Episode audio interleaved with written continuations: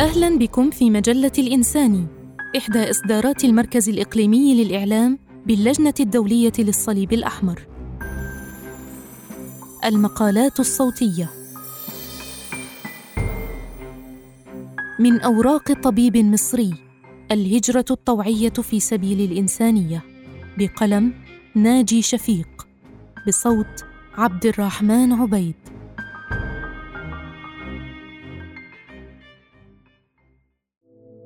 في أواخر سبعينيات القرن الماضي قرر ناجي شفيق وهو طبيب بشري متخصص في الصحة العامة ترك بلاده مصر والهجرة للعمل في المجال الإنساني في دول عدة كالجزائر واليمن وكمبوديا وكوريا الشمالية والهند وإندونيسيا.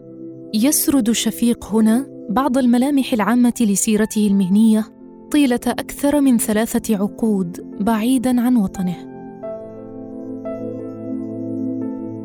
عندما أرجع بالذاكرة إلى الماضي أسأل نفسي كيف ولماذا اتخذت قرار الرحيل من بلدي مصر للعمل في الخارج؟ على العكس من زملائي لم يدر بذهني مطلقا أن أغادر بلدي. كل أحلامي كانت هنا ولقد بذلت قصارى جهدي للقيام بشيء مفيد للمحرومين من الخدمات الطبية الأساسية. لم تكن مجهوداتي كافية بسبب التغير الذي طرأ على النظام الصحي في مصر. لم تعد الصحة العامة في صدارة الأولويات. فضل معظم الأطباء العمل الخاص على حساب العمل في المستشفيات العامة. لم أستطع أن أفعل إلا ما اعتقدت أنه الصواب. أي العمل من خلال المؤسسات الحكومية لخدمة أشد الناس احتياجًا، وعدم فتح عيادة خاصة، لأن ذلك يتناقض مع ما أؤمن به. وأخيرا قررت الرحيل عن مصر في العام 1979 أحلام جديدة. بدأت عملي في الخارج كطبيب متفرغ من خلال وزارة الصحة في الجزائر حيث كان يوجد نقص في عدد الأطباء. كان المرتب وقتها معقولا وأعتقدت عندئذ أن هذا هو المكان المثالي. وأنني سوف امكث في هذا المكان لفترة طويلة. ولكن ما لم أكن أعلمه في ذلك الوقت أننا مع مرور السنوات نتعلم أكثر ونكتسب مزيدا من الخبرات كما تولد لدينا أحلام ونصبح أكثر رغبة في استكشاف آفاق جديدة حتى لو كانت الضريبة هي المزيد من المعاناة. كان الدافع الثاني هو قبول التحدي. أي إدارة عيادة للخدمات الطبية للعاملين في منظمات الأمم المتحدة في العالم. الموجودين في واحدة من أكبر المهمات في العالم في ذلك الوقت وهي اليمن. بلد لا يتمتع بخدمات صحية جيدة. كان عملي بالأساس عملا إكلينيكيا. وبالإضافة إلى ذلك توليت عددا من العمليات الخاصة باللاجئين. كما بدأت أتعرف على مشاريع التنمية. وأدركت أنني أفتقر إلى المنهجية العلمية. لهذا قررت دراسة الصحة العامة ولقد فعلت ذلك في مصر. مع اكتساب أدوات جديدة بدأ إغراء آخر في الظهور. كان يدفعني في اتجاه التصدي لتحديات أكبر في أماكن أكثر خطورة.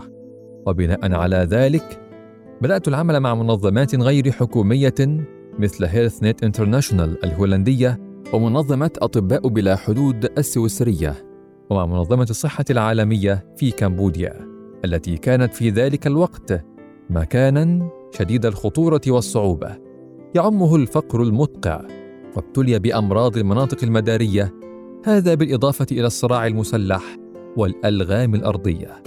تمنحنا هذه الخبرات والتعايش معها الإحساس بالإنجاز ولكن في الوقت نفسه توقظ شيطاننا الداخلي الذي يطالب بتحديات أكبر وتجارب أكثر عمقا.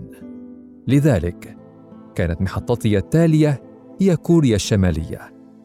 بلد فرضت عليه عقوبات دولية معزول عن العالم. تسبقه صورة سلبية جدا رسمها الإعلام الدولي. عانى هذا البلد مؤخرا من كارثة طبيعية ومر بأوقات عصيبة بسبب المجاعة التي حصدت كثيرا من الأرواح وتركت الكثير من النساء والأطفال يعانون من سوء التغذية. خدمت هناك اولا مع منظمة الامم المتحده للطفولة يونيسيف ثم مع منظمة الصحة العالمية.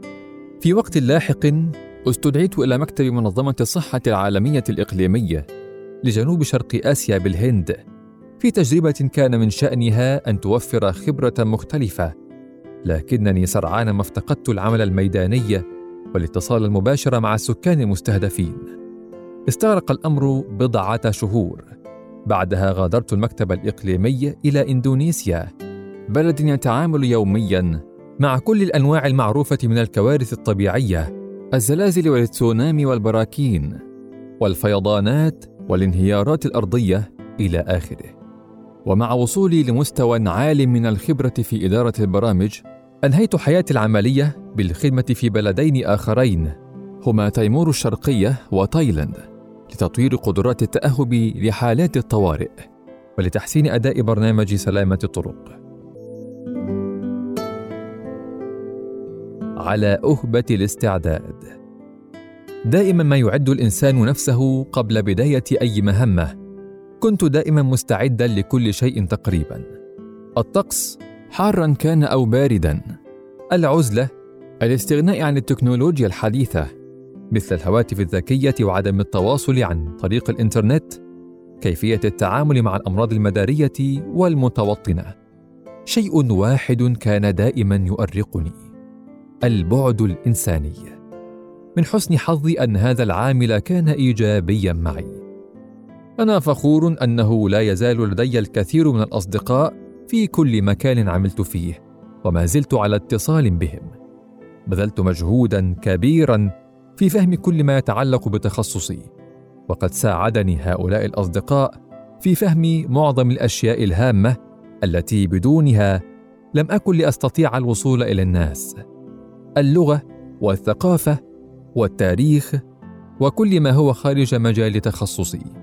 فكل الأمور في الحياة متصلة وعليك أن تتعرف على كل شيء بنفسك. ولا تركن لوسائل الإعلام فكثيرا ما تكون لها أجندتها السياسية الخاصة. كنت دائما ما أعمل مع نظرائي لمعرفة ما الأشياء الجيدة التي ينبغي الحفاظ عليها وتدعيمها. وما الأشياء التي ينبغي تغييرها؟ والتعرف على المشاكل ومساعدتهم في التعرف على خبرات الدول الأخرى. وكيفية حل المشاكل بعد التكيف مع الظروف المحليه لم أخجل من أخطائي بل واجهتها وتعلمت منها. لم أكن القاضي الذي يصدر احكاما وإنما حاولت أن أفهم. كان عقلي مفتوحا. تعلمت من ثقافات وديانات وتقاليد الآخرين. وفوق كل شيء تعلمت احترامهم. لم يساعدني ذلك فحسب في التعامل مع المجتمعات بل أيضا أضاف إلى معرفتي وعلمي وصقل سلوكياتي. أنقذ ذلك حياتي عندما تعاملت مع بقايا الخمير الحمر. عندما وجدت نفسي عالقا في حرب الشوارع في بنوم بنيه عاصمة كمبوديا. هذه الخبرات علمتني كيفية تحديد طريقي والتعامل مع ضحايا الكوارث الطبيعية كيفية إيجاد التوازن في القضايا السياسية وحقوق الإنسان مع البلد المضيف والدول المانحة. كانت بوصلتي دائما تركز على البحث عن طريق للوصول إلى المحتاجين. علاوة على ذلك تعلمت كيفية التعامل مع بعض المسؤولين الحكوميين الفاسدين والمطالب غير المشروعة أحيانا من قبل بعض ممثلي الدول المانحة. هل شعرت بالخوف؟ نعم مرات عدة كما يشعر أي إنسان آخر. ولكن ربما كان هنالك شيء أكثر الحاحا من الخوف. الشعور أنك تصل إلى أناس في حالة صعبة وتلبي احتياجاتهم وترسم ابتسامة على وجه طفل. إذا نظرت إلى الوراء أتذكر لحظات كنت فيها قريبا من الموت. وأتساءل كيف ولماذا نجوت؟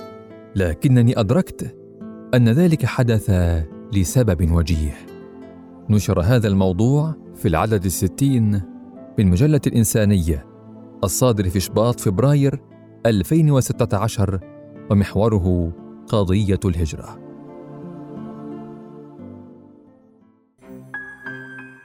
شكرا للمتابعة. للاستماع إلى مزيد من المقالات زوروا الموقع الإلكتروني لمجلة الإنساني الإنساني.